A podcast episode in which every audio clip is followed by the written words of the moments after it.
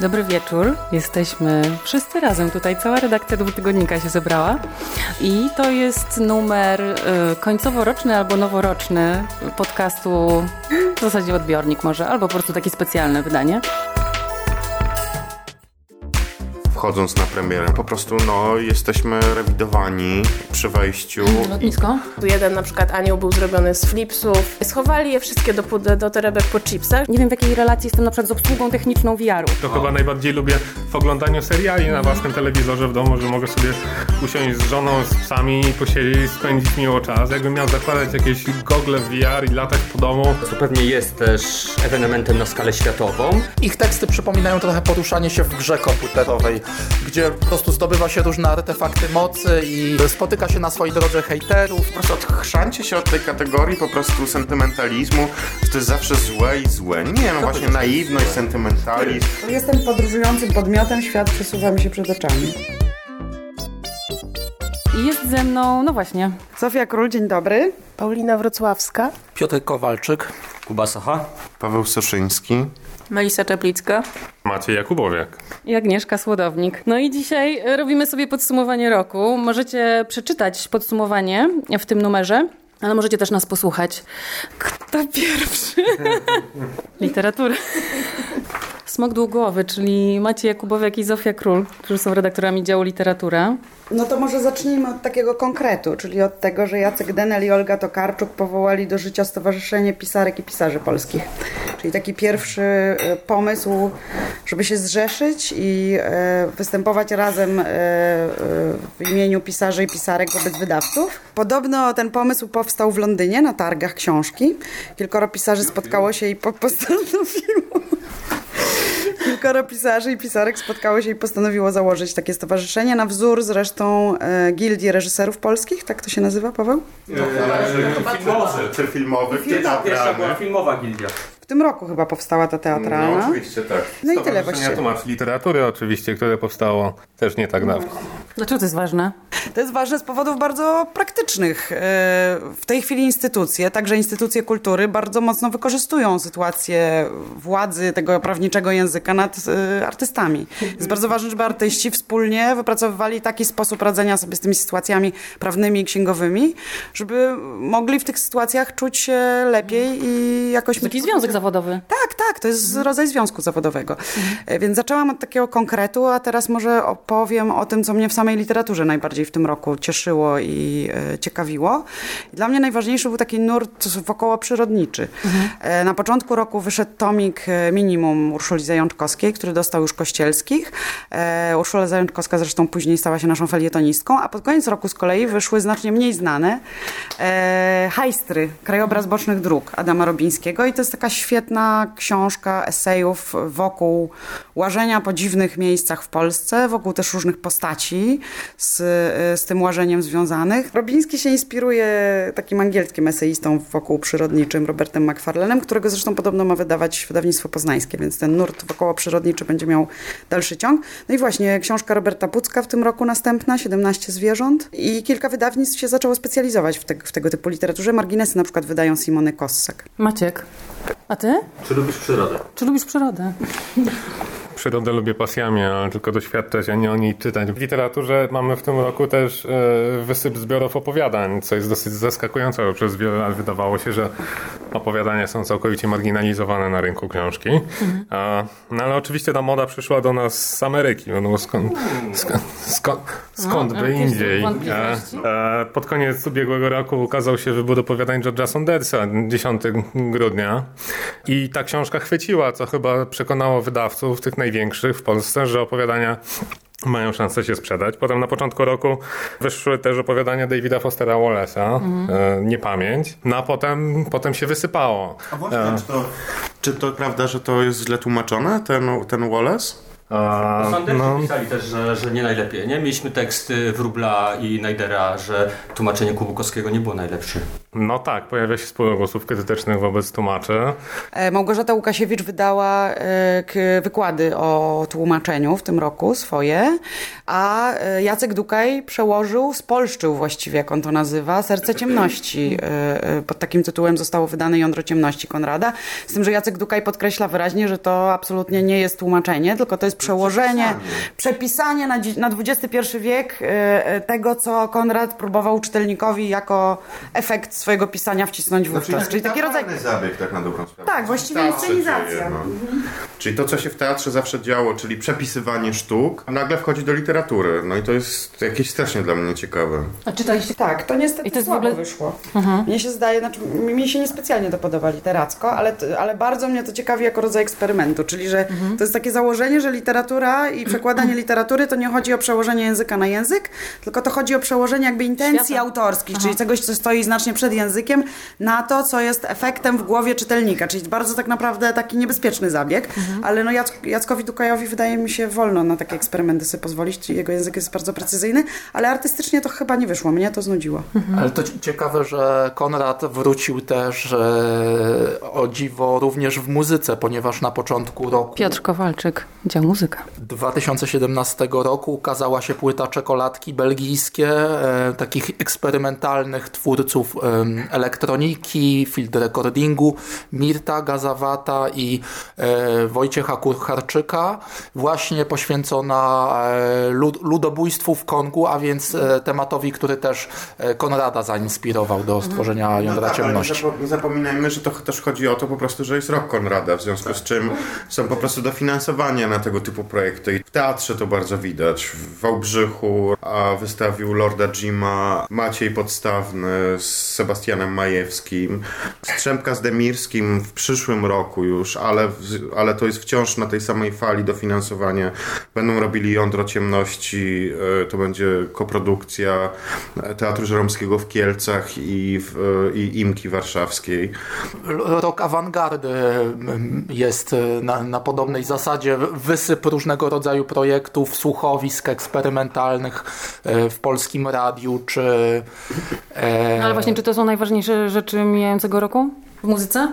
Tym roku wyszło bardzo dużo polskich płyt, niezłych polskich płyt piosenkowych z tekstami i to są wykonawcy z bardzo, z bardzo różnych środowisk, bo to jest zarówno taki zespół Soria Moria, który prawdopodobnie świetnie by sobie poradził na zachodnim festiwalu czy na off festiwalu, grający taki elektroniczny pop i piszący bardzo kameralne, niewinne piosenki, na przykład o sytuacji rodzinnej, jak i Pablo Pawo, który jest e, po prostu teraz nagle jedną z, z centralnych postaci, nie wiadomo właściwie czy muzyki, czy literatury, wydaje e, Też bardzo wydał dobrze. opowiadania, prawda? To są opowiadania. Tak, u Pablo Pawo również ten temat e, domu czy sytuacji rodzinnych się pojawia. W dziale muzyka mamy tekst Piotra Szweda, który te e, tendencje w tekstach polskich piosenek zbiera.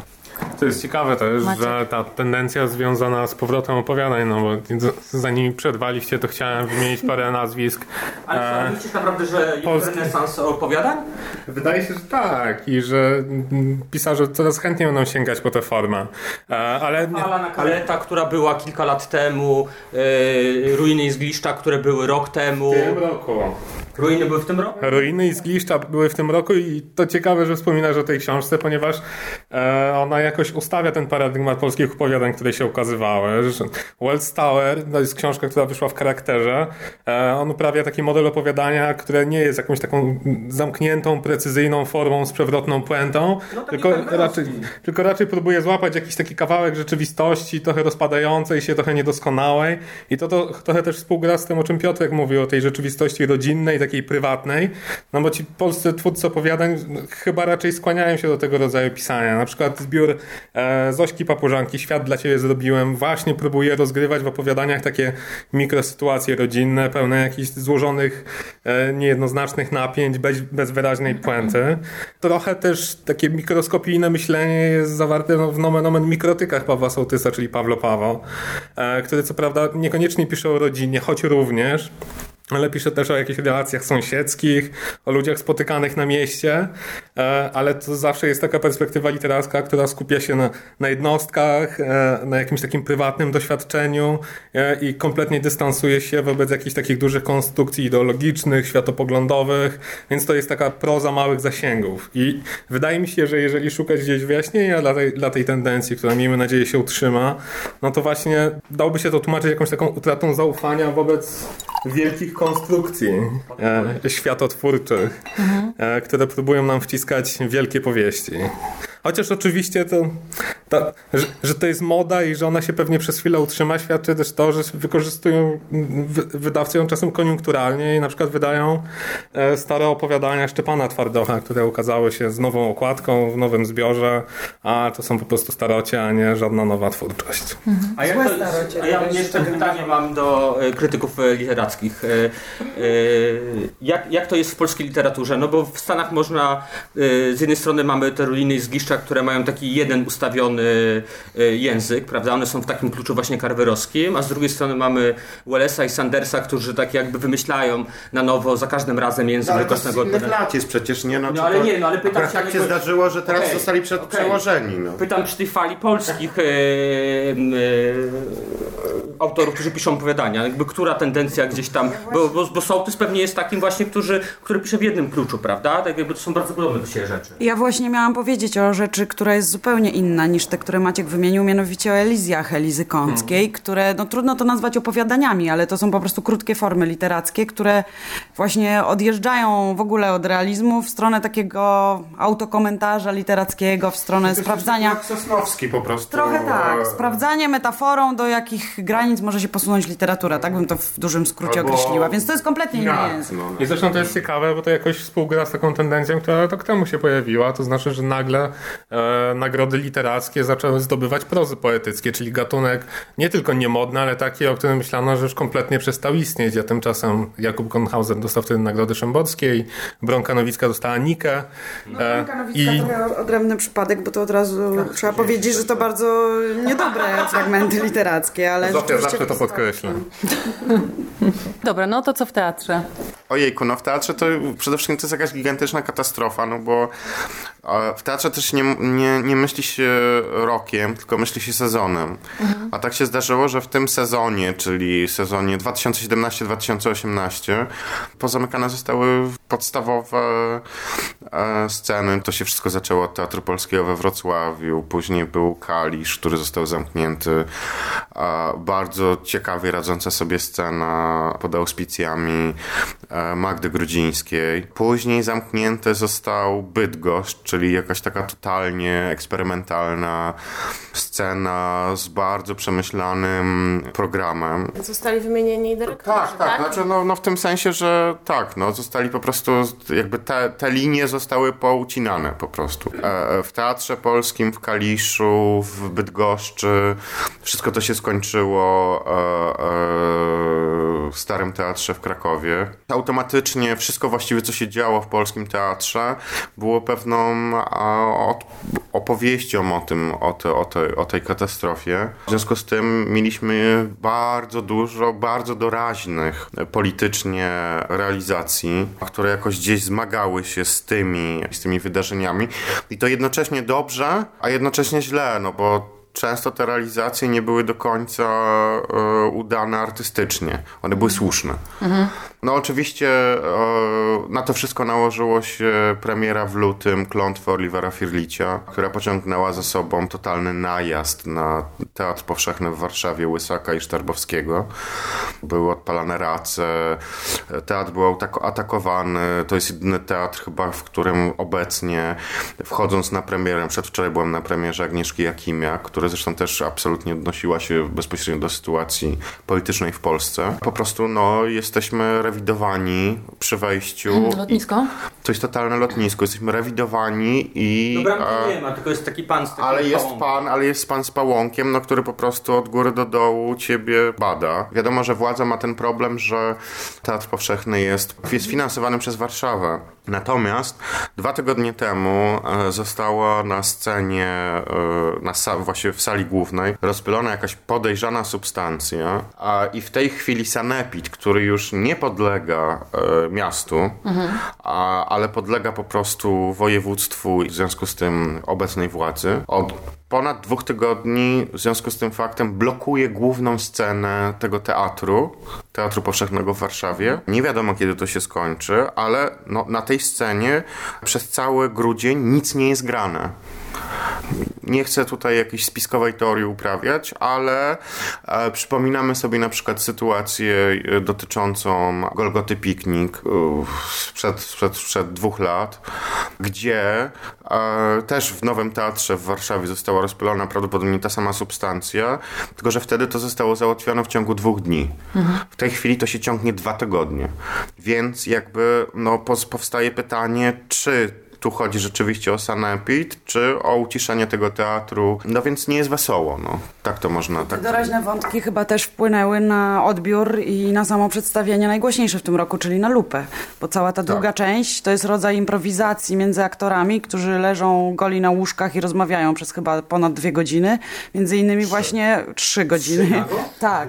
I gadają? Za wszyscy są na golasa cały czas. I rozmawiają właśnie, o, jak rozumiem, wokół sytuacji zamknięcia Teatru Polskiego. Teatru Polskiego, ale w ogóle i w, w ogólnie całe, wszystkich tych teatrów. No, Tym ważniejsze jest to, co się dzieje, mm, to co robi na przykład Garbaczewski.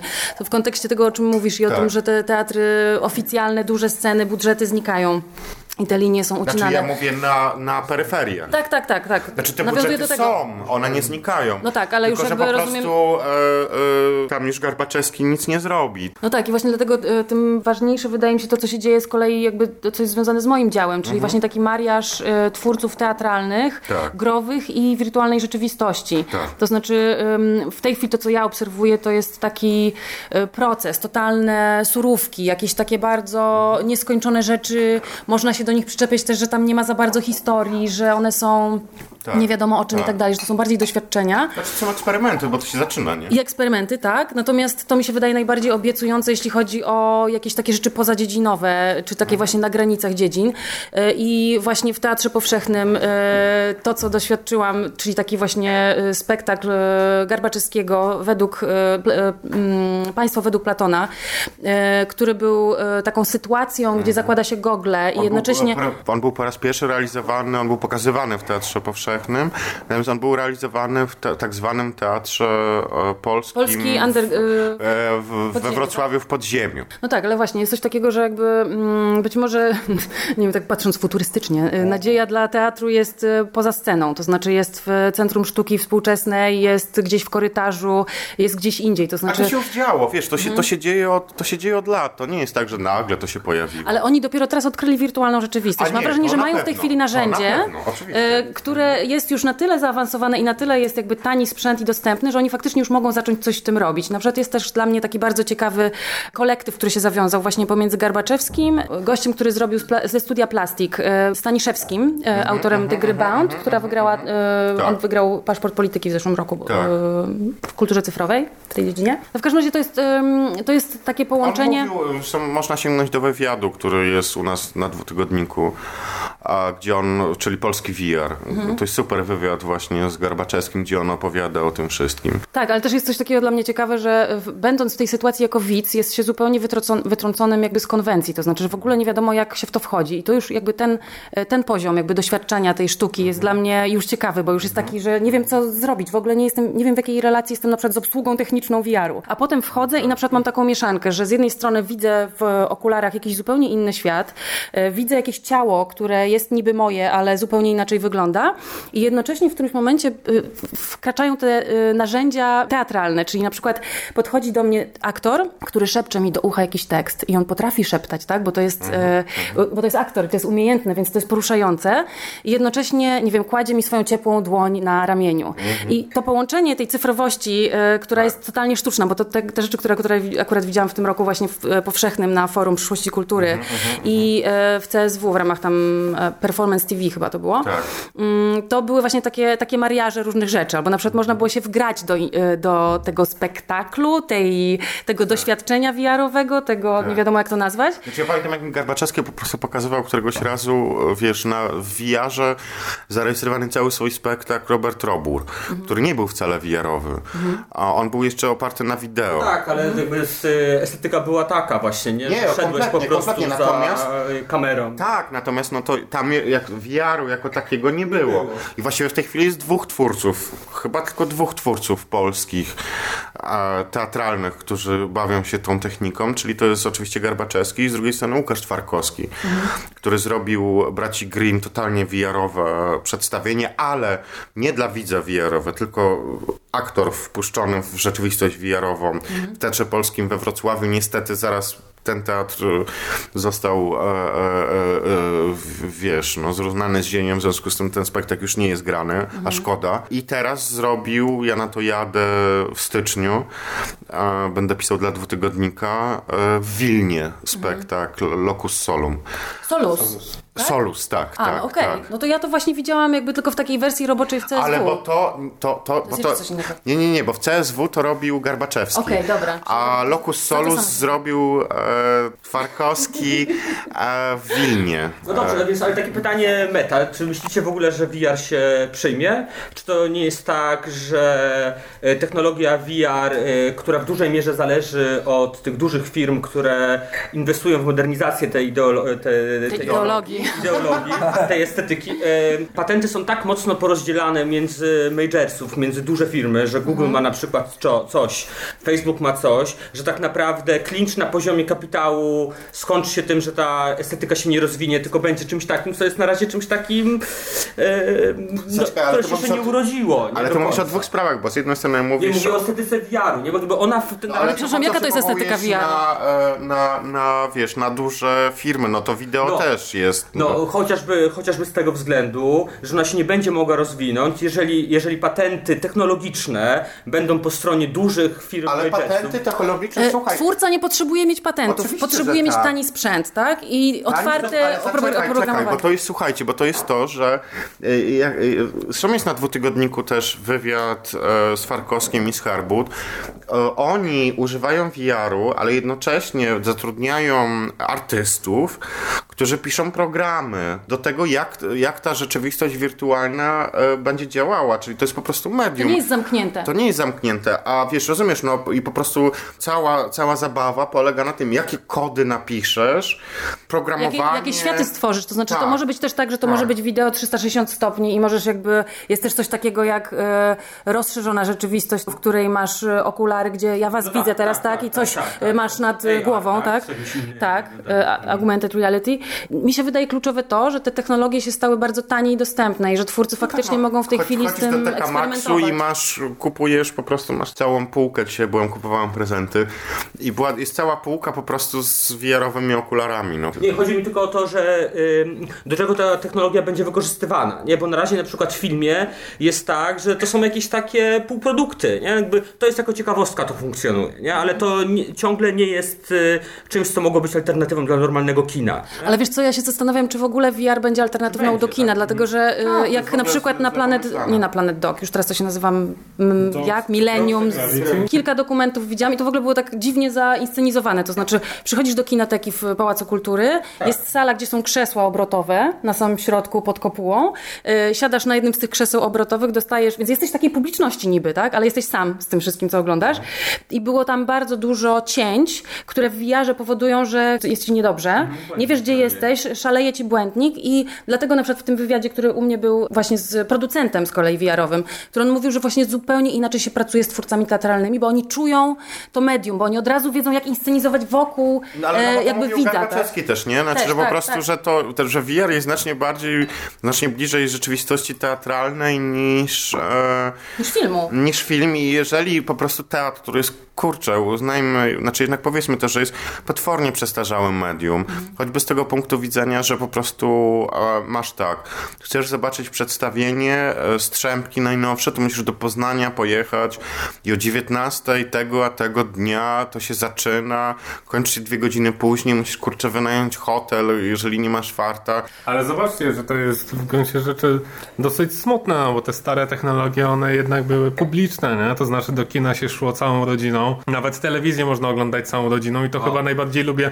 w oglądaniu seriali na własnym telewizorze w domu, że mogę sobie usiąść z żoną, z psami i posiedzieć, spędzić miło czas. Jakbym miał zakładać jakieś gogle VR i latać po domu No ale i sprawdzać Nie, nie, ale- wirtualne... z żoną, to pewnym momencie się zapominasz i już nie pamiętasz o tym, że siedzisz z żoną i z psami. A jak założę gogle, to mi to nie przypomni. No nie, ale masz inne doświadczenie, no wiesz. no Ale tutaj jest też tak, że jeżeli są to sytuacje festiwalowe, tak jak te, które są, nie wiem, w galerii sztuki czy w teatrze, Tylko, no, jesteś dopuszczony do na przykład e, w kontenerze, tak? w kontenerze, ale też robił na przykład na kopcu Kościuszki, Kościuszki tak. w Krakowie, no. A, Jesteś z innymi ludźmi i też często jest tak, że y, y, scenariusz, nie wiem, no ta sytuacja jest tak zaprojektowana, że jesteś włączony w Program, współtworzenie tak dobra- jej. I to, to też może mieć fajny wspólnotowy wymiar, to znaczy o ile jest tam jakby przestrzeń do tego, żeby się kontaktować i o tym rozmawiać, tak? Zresztą Garbaczewski też o tym pisze w tym wywiadzie, bo on mówi, że po prostu jego interesuje to, jak teraz wykorzystać tę technologię tak, żeby być razem. Socha, bo ty tak tutaj pytania do literatury, do teatru, a sam milczysz.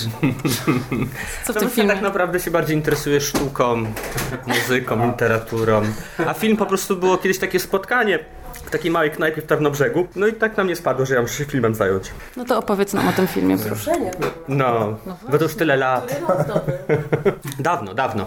Y, Co w filmie? No w filmie też można oczywiście było zacząć y, z tej strony, że rok mamy taki, że najważniejszy festiwal y, filmowy filmu polskiego w Gdyni. Jest festiwalem bez dyrektora artystycznego, co pewnie jest też ewenementem na skalę światową, ale mimo tego, że tego dyrektora artystycznego nie było, mimo tego, że y, znowu doszły do, głosy, do głosu różne takie teorie spiskowe i zastanawiano się w kuluarach, kto kogo wepchnął do konkursu głównego, to y, konkurs był y, całkiem udany i wydaje mi się, że on dobrze pokazuje rozpiętość polskiego kina, że mm, w konkursie głównym wygrał film debiutanta e, Cicha Noc, e, a w konkursie in, e, a w konkursie Inne Spojrzenie wygrał Norman Leto, czyli tak jakby spełniony sen, e, że artyści z pola sztuki zasilą kino i pokażą filmowcom, czym tak naprawdę jest podróż do granic kina. I z jednej strony mamy foton Normana Leto,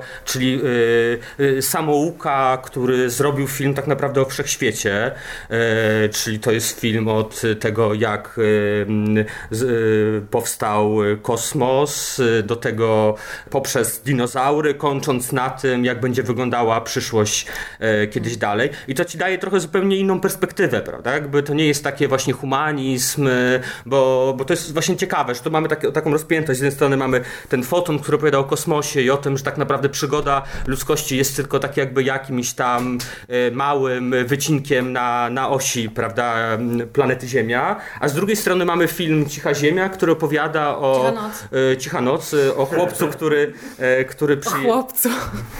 młodym mężczyźnie, który przyjeżdża do swoich rodziców na prowincję i spędza z nimi wigilię, prawda? Czyli mamy taką mały realizm, świetnie podpatrzone sytuacje rodzinne. Ja jak to oglądałem, to totalnie widziałem wioskę mojej babci na, na Podkarpaciu, a z drugiej strony mamy właśnie tego Normana Leto, który nie bawi się w sentymentalizm, raczej po prostu stara się obiektywnie opo- opowiadać w ogóle o, o wszechświecie. I to, Ten film Normana Leto to nie jest film z cyklu Mężczyźni objaśniają kobietom świat?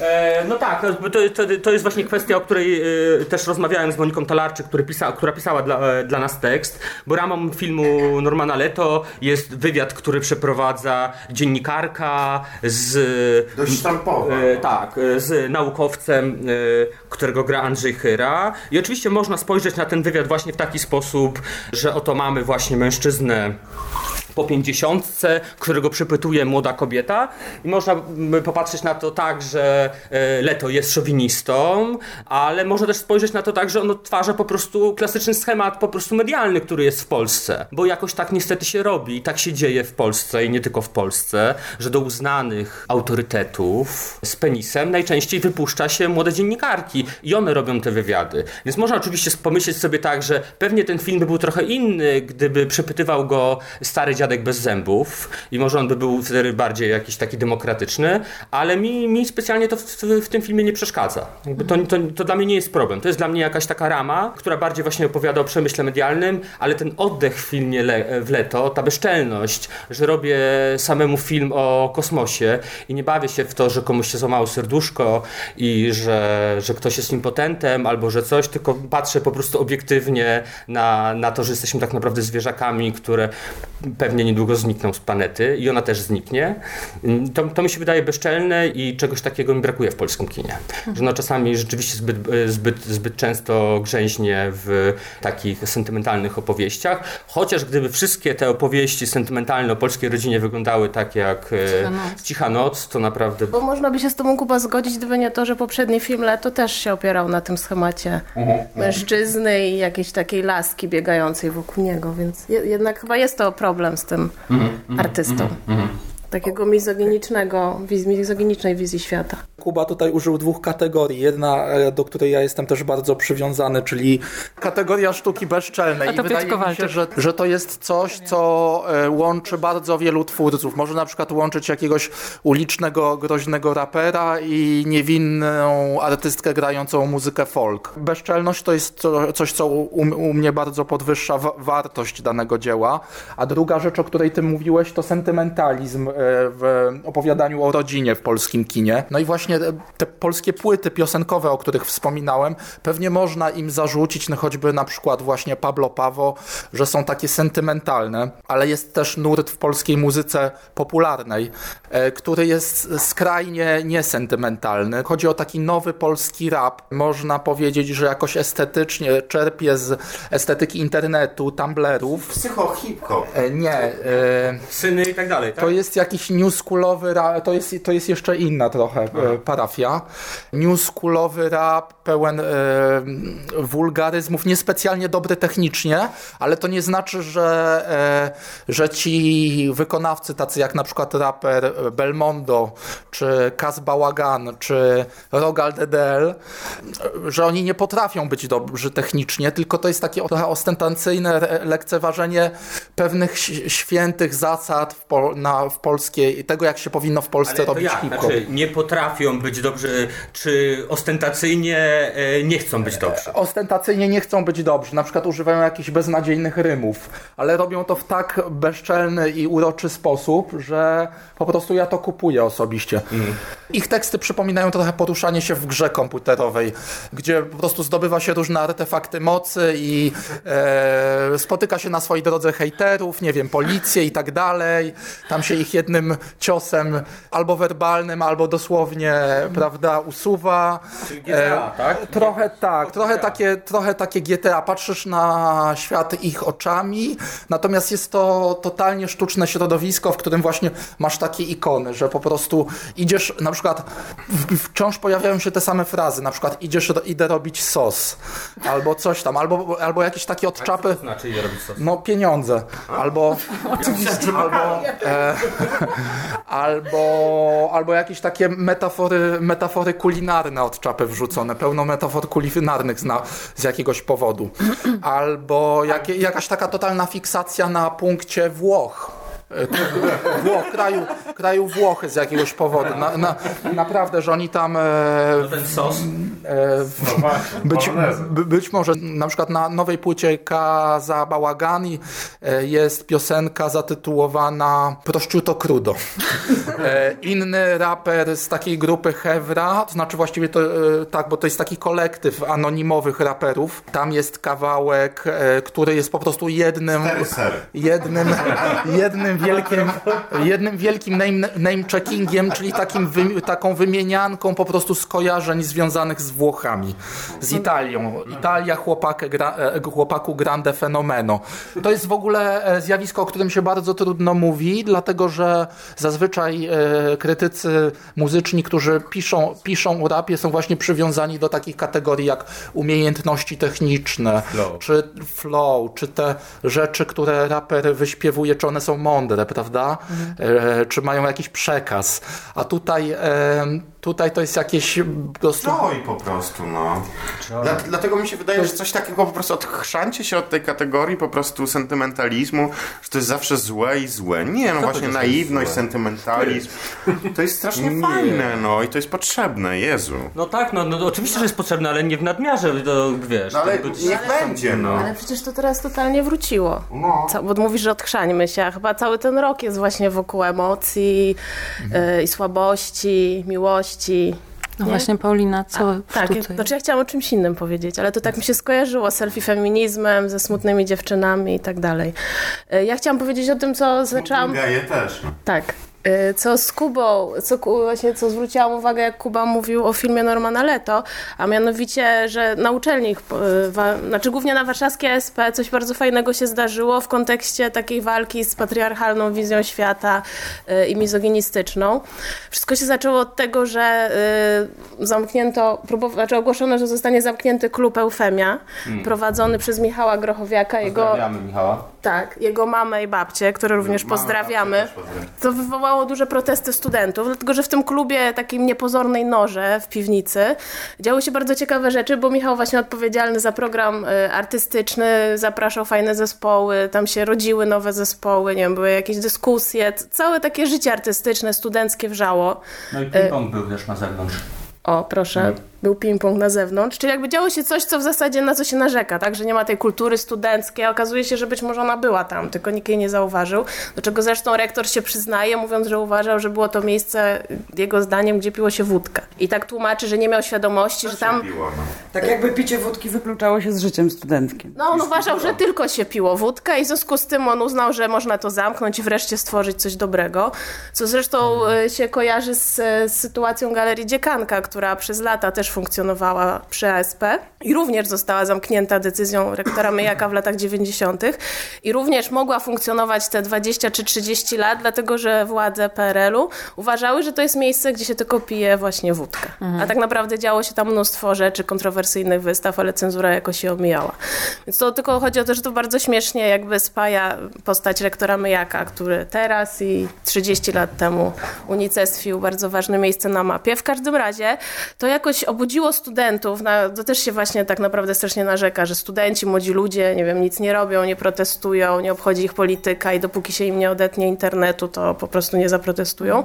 A tutaj się jakoś wzmożyli, powstały różne petycje, była też petycja ludzi kultury, e, żeby nie zamykać tego miejsca, na co też rektor miał odpowiedź, że są to, że to jakby świat zewnętrzny próbuje się wtrącać w autonomię SP, że tak naprawdę większość tych ludzi kultury nigdy tam nie była.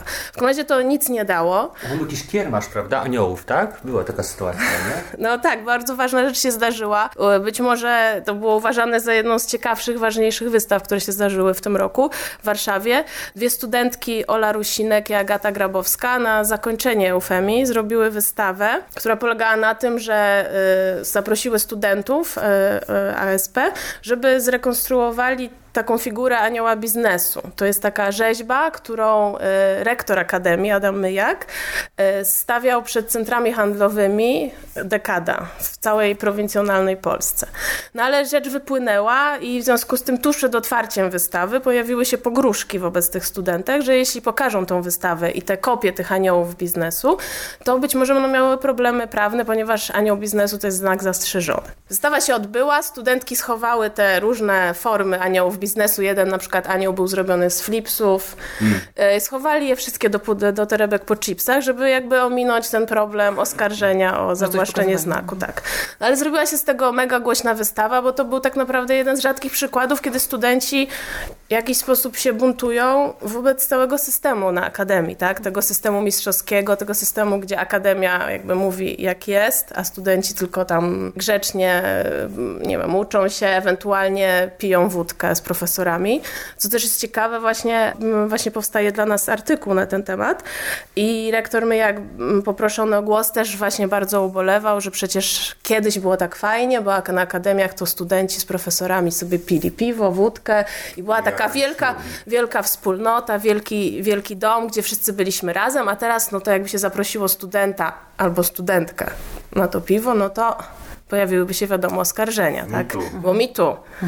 No to pokazuje, że jakby nie wiem, no profesorowie SP są gdzieś kompletnie w innej rzeczywistości, tak? Nawet nie to, że oni chcą źle, tylko oni jakoś kompletnie nie rozumieją, co się, co się tutaj dzieje. Ale tylko na warszawskim czy Nie, wszędzie? wszędzie, wszędzie. Tylko chodzi o to, że na Akademii coś się jakby zmieniło, bo powstała ta wystawa, która Ale nie tylko Ale wystawa, powstał prawda? jeszcze- Słuchaj, powstał jeszcze ten taki jakiś przewodnik, tak? To powstanie. Znaczy przede wszystkim studenci takiego jedynego teoretycznego wydziału na SP zaczęli dość o sobie mówić studentki.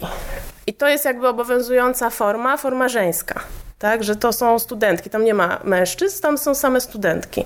I oni rzeczywiście tego bardzo konsekwentnie używają i właśnie planują wydanie takiego przewodnika Znaczy studenci też mówią sobie tak, studentów. tak, no po prostu to jest, uni- to jest uniwersalna forma, żeńska, a nie męska. Planują właśnie stworzenie takiego przewodnika, bo co roku na SP powstaje coś w rodzaju takiego przewodnika dla nowych studentów, jak się poruszać po uczelni, po Warszawie, jak sobie radzić. Tylko tym razem to ma być taki przewodnik przewrotny, który też jest pisany jakby w formie żeńskiej, ale ma być też o tym na przykład, jak sobie poradzić będąc kobietą na uczelni, albo będąc w ciąży, albo będąc młodą matką.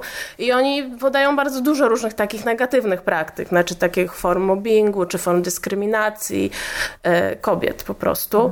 I zresztą tu się przypomina taka wystawa Ani Okraśko sprzed 15 lat, e, która e, na ścianach HSP zrekonstruowała, nam napisała hasła różne, z którymi się, takie teksty, z którymi się spotykają studentki e, na wykładach, na zajęciach. No i takie najbardziej znane to jest, że kto to jest malarka, to jest żona dla malarza. A rektor Myjak ponoć mówi, że jeszcze nigdy nikt do niego się nie zwrócił e, z, ze skargą na to, że tego typu praktyki na uczelniach istnieją. Dwa lata temu e, było zrobione takie badania, marne szanse na awanse, tak zatytułowane, z których wynikało, że na uczelniach artystycznych jest najmniejszy odsetek kobiet wśród kadry e, ze wszystkich uczelni w Polsce. Je mniej jest tylko na uczelniach teologicznych. No to jest dosyć zaskakujące. W filmówce jest więcej Nie, no kobiet? w filmówce to się zmienia teraz. Ale na plastycznych. E, Jest A, najmniej. Dokładnie jest 17% profesorów zwyczajnych, Ale kobiet. się- A poczekaj, tylko, ale to jest tak, że tak. Chyba 7, ponad 70% studentów Akademii Plastycznych to są kobiety. Potem wśród takich młodych pracowników to już spada do tam 30%. A wśród profesorek jest tylko 17 i podobno jest nawet jedna uczelnia plastyczna, na której nie ma żadnej profesorki zwyczajnej. No więc to jakby dosyć była smutna, e, jak, mm, smutne były wnioski z tych badań. No a tu się zdarzyło coś takiego, tak? I jakby nabiera rozpędu, dlatego że ci sami studenci podczas e, letnich protestów przeciwko reformie sądownictwa wyszli z takim wielkim napisem, żądamy, e, żeby na SP wprowadzono pełnomocnika spraw do równouprawnienia, bo jest coś takiego na uniwersytecie, a na przykład na SP tego nie ma. Myśleli, że to będzie tylko takie prowokacyjne hasło, ale zaczęli to jakoś kuć i doszło do tego, że właśnie rektor Myjak powiedział, że to roz zostanie rozważone i że być może rzeczywiście taka osoba zostanie wprowadzona. Jest, Jak nie taki zły. Niby nie taki zły, ale powiedział, że nie chce sam decydować i oddał to Senatowi, a Senat powiedział, a nie róbmy tego, zajmijmy, stwórzmy komisję etyki, która się będzie zajmowała też sprawami kadry i zostało to rozmydlone, chwilowo w każdym razie. Ja chciałam przywołać taką książkę, która miała być ważna, a stała się w zasadzie przykładem czegoś dosyć skandalicznego, mianowicie antologię eseju, którą wydało Ossolineum w tym roku. Ossolineum, trzeba powiedzieć na początek, bardzo świetnie się teraz rozwijające pod szefostwem Dariusza Sośnickiego. Świetne książki tam wychodzą, między innymi Christine Lavant, y, y, Zapiski z domu y, wariatów. Antologia polskiego eseju, którą zredagował i ułożył Jan Tomkowski, jest skandaliczna pod tym względem, że wśród kilkudziesięciu nazwisk są dwie autorki. Kuncewiczowa i Szymborska. Szymborska zresztą z mini esejem o Montaign'u. Więc to jest zupełnie dobór skandaliczny i pokazuje, w jaki sposób myślenie o. No brak czajny zabrakło. Czajny, Renaty Bill Lis, Robson Bieli Kropson, Romy Syndyki, no to pewnie kurczę, można by tak nie? Pinkowskiej, no to można było wymieniać długo. To, co chcę powiedzieć, co tu mi się wydaje najważniejsze, to nie jest nawet sam fakt, że tam są tylko dwie kobiety, bo to oczywiście jest y, straszne i, i wymaga osobnego komentarza. Natomiast chodzi mi o taki osobliwy związek między tym faktem, faktem, że są tam tylko dwie kobiety, a między tym, jak w ogóle bardzo tradycjonalistycznie ustawiona cała antologia.